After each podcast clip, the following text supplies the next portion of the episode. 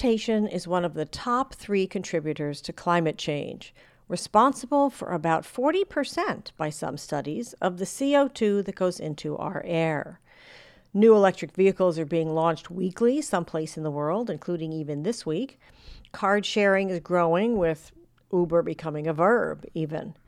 But buses are still a popular solution in urban areas, both in the US and around the globe. I am a bona fide city girl from New York City, so I've ridden many buses in my time and continue to do so often today. There are many new clean energy technologies being explored for all types of buses. Near me in Virginia, I see natural gas buses a lot, for example. And with school back in session now, kids are taking buses to school every day. But which techno- new technologies are performing the best? Which hold the most promise, and frankly, which are the most comfortable to ride in. Today, we're going to find out from one of the rare women leaders in this space. Welcome to Green Connections Radio, where we bring you insights and tips from remarkably innovative women in energy, climate, sustainability related issues. I'm Joan Michelson. We talk about innovation, leadership, new technologies, and careers, always bringing a new perspective. Find us anywhere you like to listen to podcasts. You obviously found us today on greenconnectionsradio.com and through my Forbes blog as well. And please pass it on to your friends.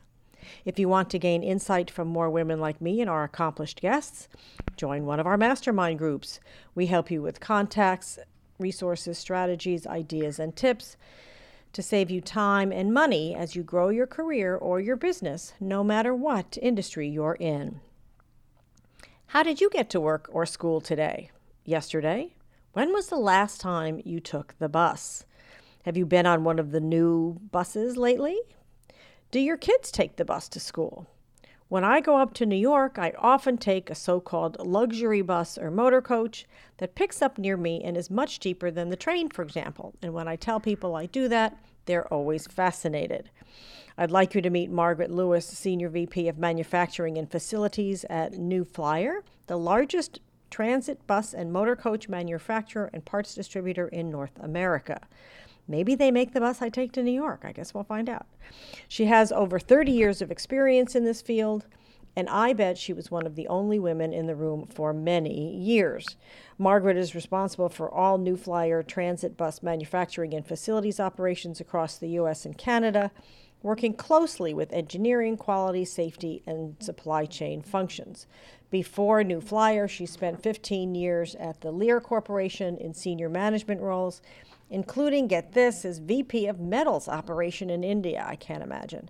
She has a Bachelor of Science in Mechanical Engineering from the University of Akron and an MBA from Michigan State University. Welcome to Green Connections Radio, Margaret, and thank you for joining us. Thank you, Joan. I'm happy to be here today. Oh, you're welcome. You're welcome. So, how common are electric buses and motor coaches today? Or, except, you know, all the buses that I see, except school buses, ironically, seem to say they're clean vehicles. But I haven't made a research study of it. Talk about how common they are right now, for starters. So, um, electric buses are um, really starting to uh, take hold in the the ad- adoption rate is really increasing uh, pretty uh, pretty steadily. We expect that um, within uh, five years that they, they will account for 10% of annual output. Um, now at New Flyer, um, we are the only manufacturer that produces three zero emission bus types. Uh, we produce electric trolley buses, we produce battery, battery electric buses, and we also produce fuel cell electric buses. So we've got quite a bit of experience going back 50 years with uh, zero emission buses, with those being our early trolleys. And we have more electric buses on the road than any other manufacturer. And what we're seeing is that many of our customers are uh, starting to want to uh, get some electric buses in their fleet, try them out, and have plans and goals and visions uh, on converting their uh, fleets over a certain time period. So we're really, it's a pretty exciting time. We're really starting to build the buses, get them out into the cities, uh, get them driving around, get people on them. Um, so even though you know we're fairly uh, you know kind of new into this, you know two three years type thing, uh, the electric buses are really starting to take traction out in the public. That's interesting. So, are are electric buses just kind of a large car? In other words, is it um, buses have historically been diesel, as I understand it, and so now when you say transition, I presume you mean like from diesel to electric vehicles.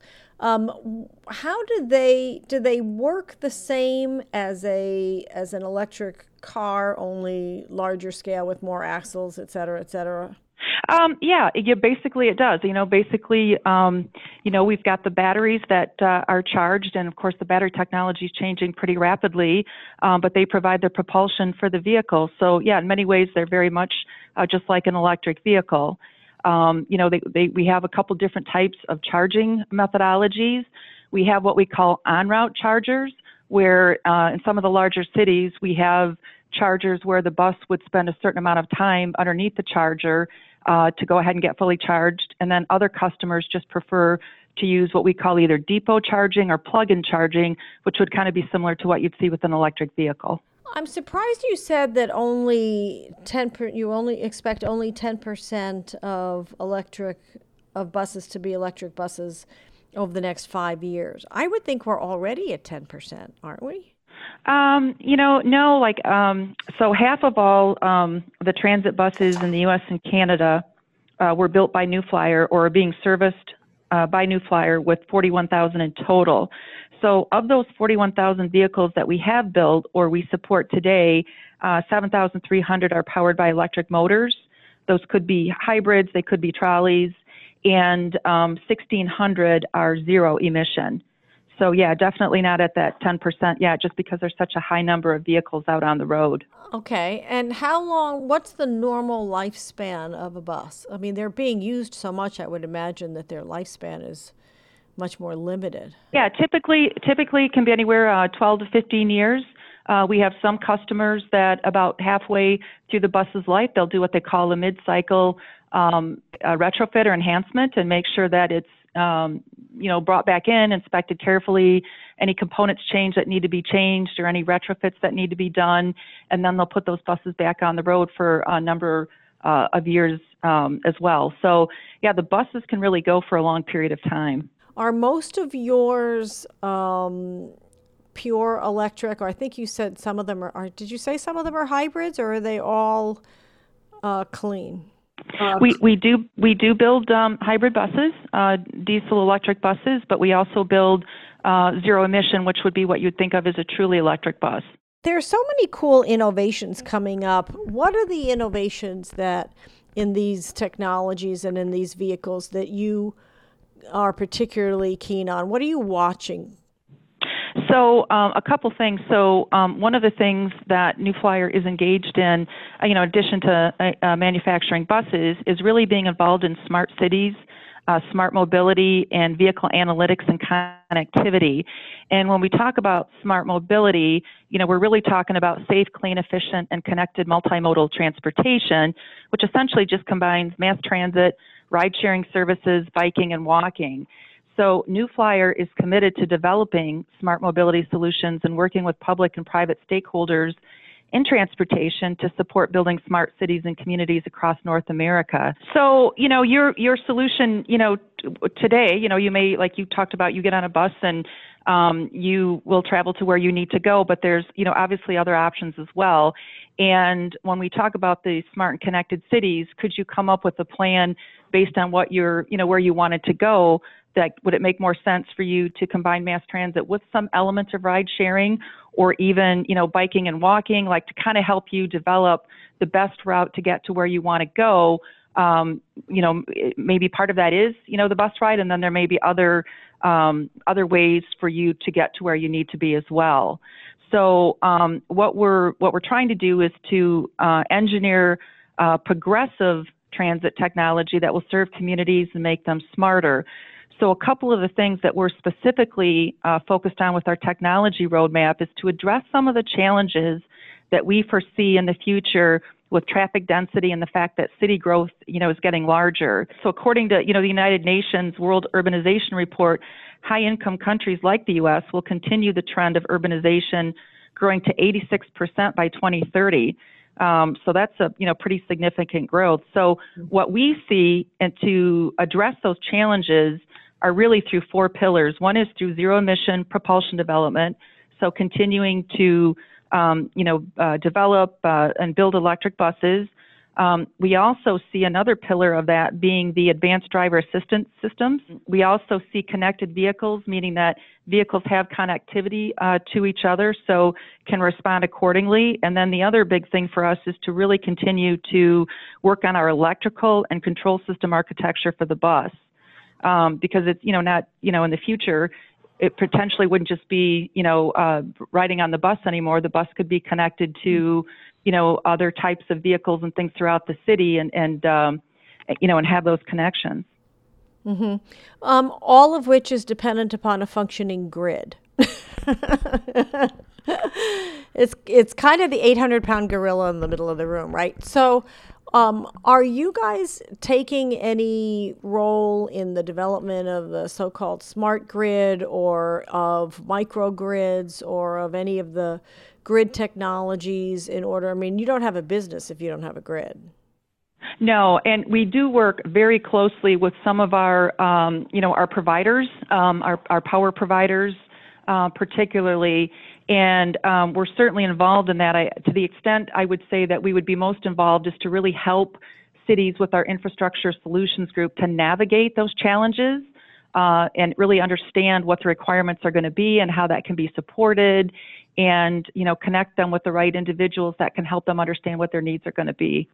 Mm-hmm. Well, the utility sector, I've done a bunch of stories on this. The utility sector is going through so many changes, and I kind of feel for them because they have to sell less of their product and make more money, completely reinvent their business model based on raw materials they don't know what they're going to be or where they're going to come from or when they're going to show up. Uh, they have to do it all under a microscope and without dropping a moment of service to anybody anywhere, anytime.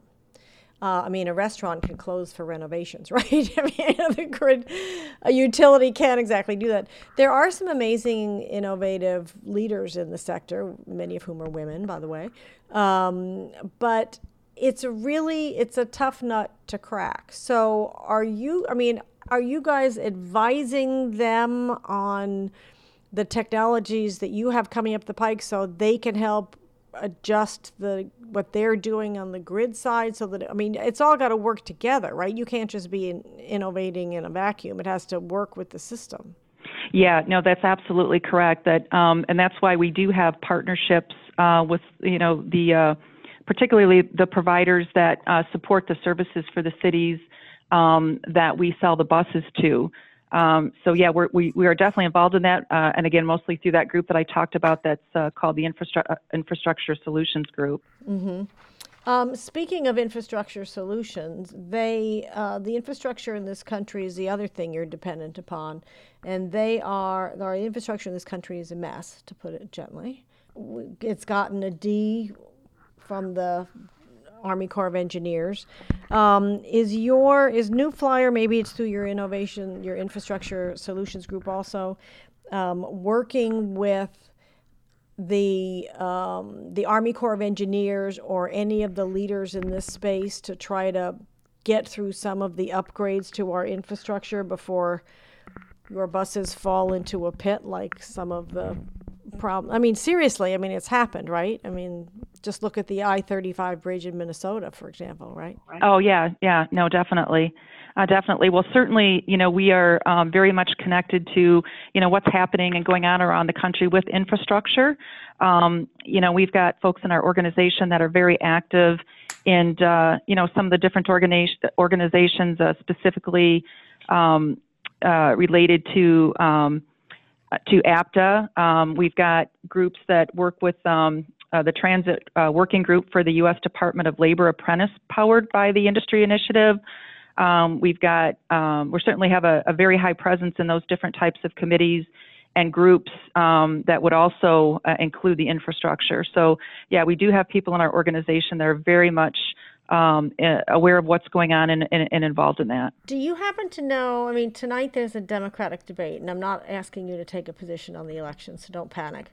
Um, what? Uh, but each of them, each of the candidates has an infrastructure plan, and of course, we've had an infrastructure bill uh, before Congress since I can remember, which is unfortunate, um, and nothing happens with it. But are there elements of what would make up a good I mean, you're an operations person. So are there are there aspects of these infrastructure plans or the transportation bill that you think that voters should really consider uh, and take seriously that you think are are better than others to that, to pay attention to? Hmm, that's a good question. Um, you know, I think um, most of you know the programs that you know we hear about are uh, things like converting over uh, to um, you know to more zero emission and um, you know what types of opportunities and jobs and thing that you know that that would open up. So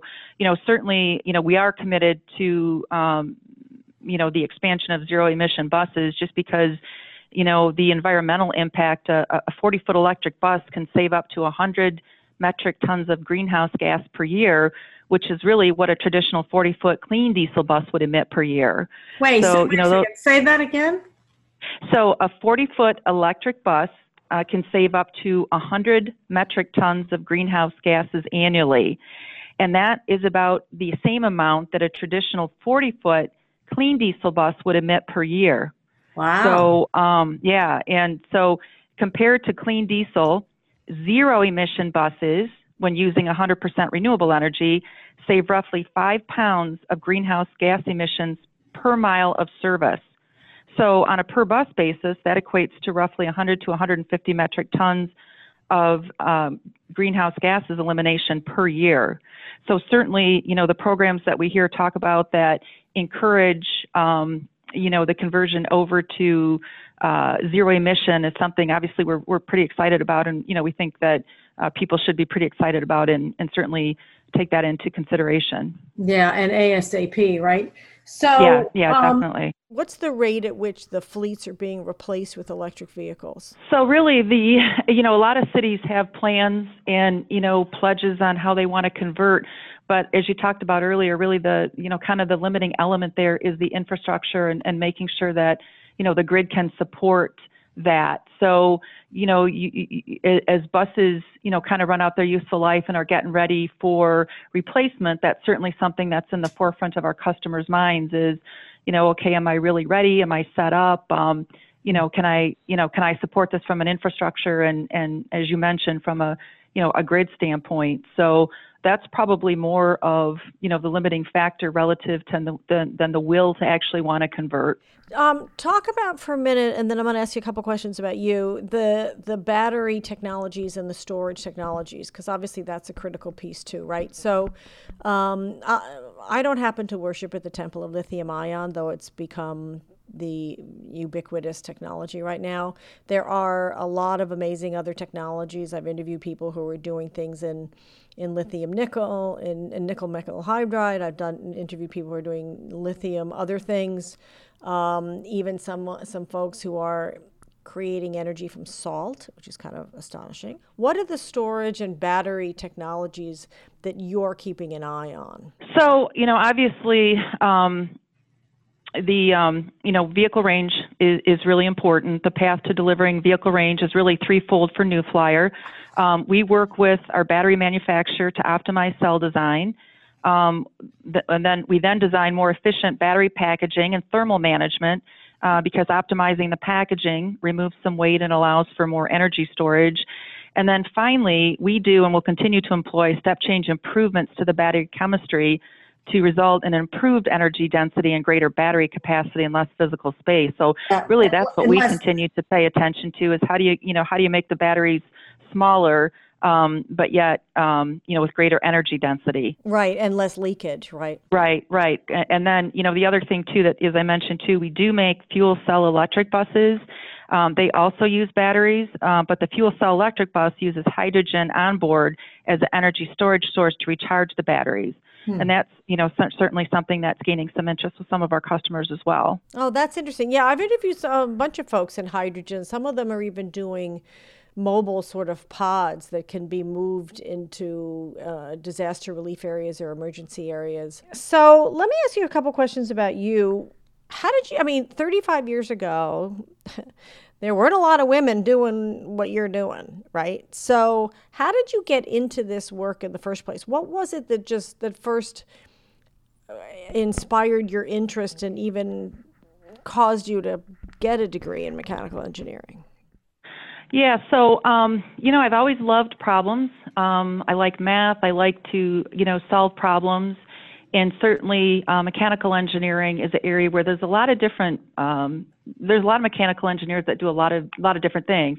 You know for example i'm a mechanical engineer but i work in manufacturing.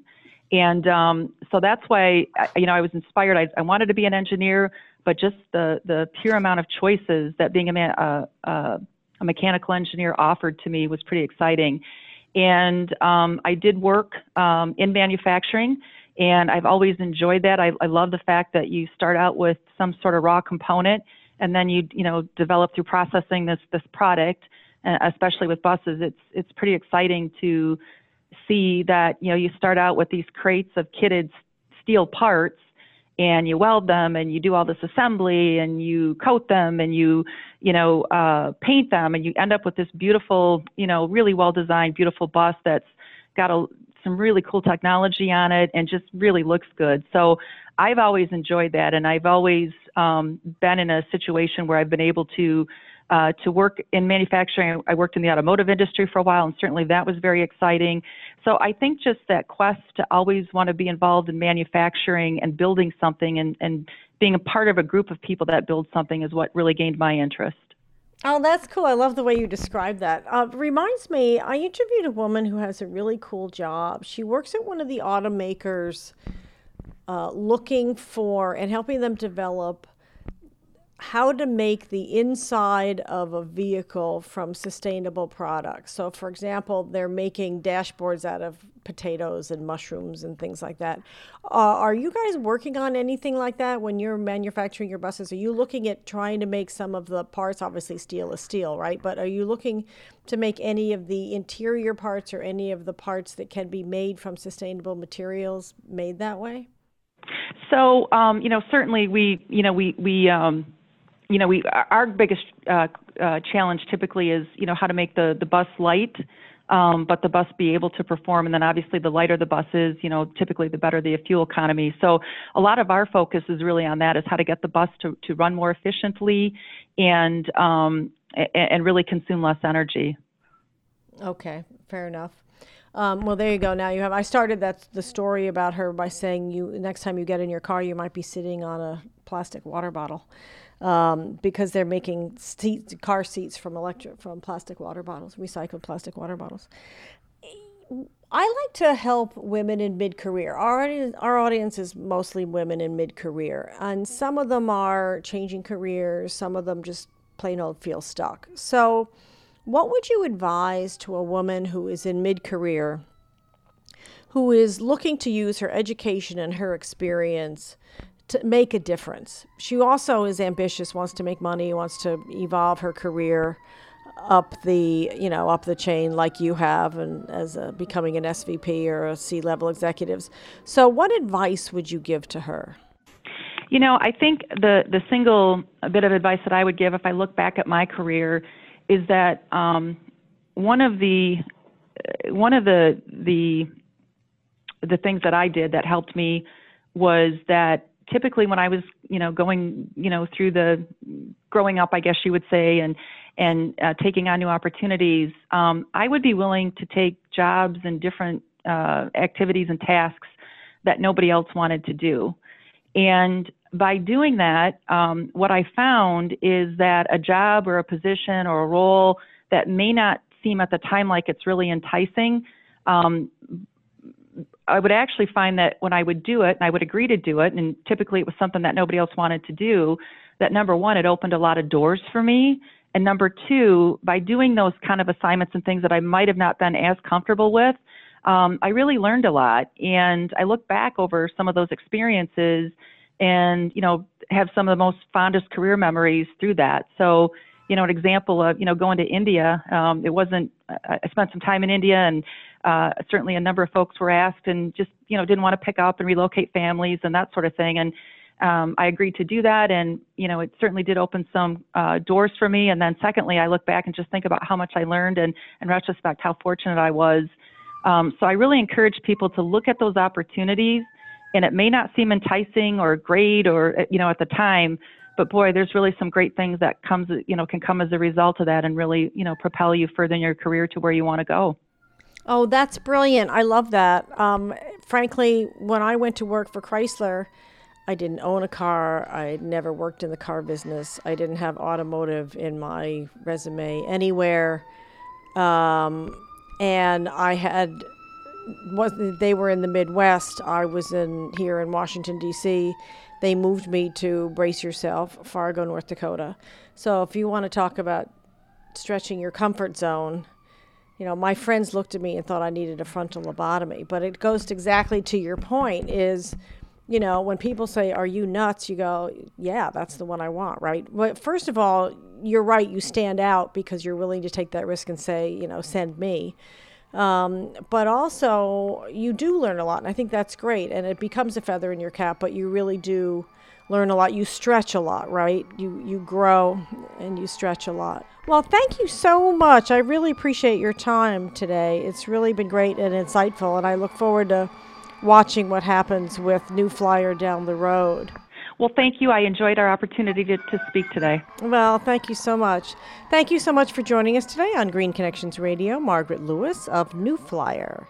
So, do you take the bus? Why or why not? Tweet it to us at Joan Michelson or post it on our Facebook page and like the page while you're there. And find us anywhere you like to listen to podcasts on Apple Podcasts, Spotify, iHeartRadio, TuneIn, Stitcher, or on our website, greenconnectionsradio.com. And you can find me on Forbes as well. If you want to gain insights from me and more women like Margaret, join one of our mastermind groups, and we'll help you with contacts, resources, strategies, ideas, and tips to save you time and money as you grow your career or your business, no matter what industry you're in, like encouraging you to take a job that nobody else wants, which I think is brilliant. I'm Joan Michelson. Thank you for joining us. See you next time.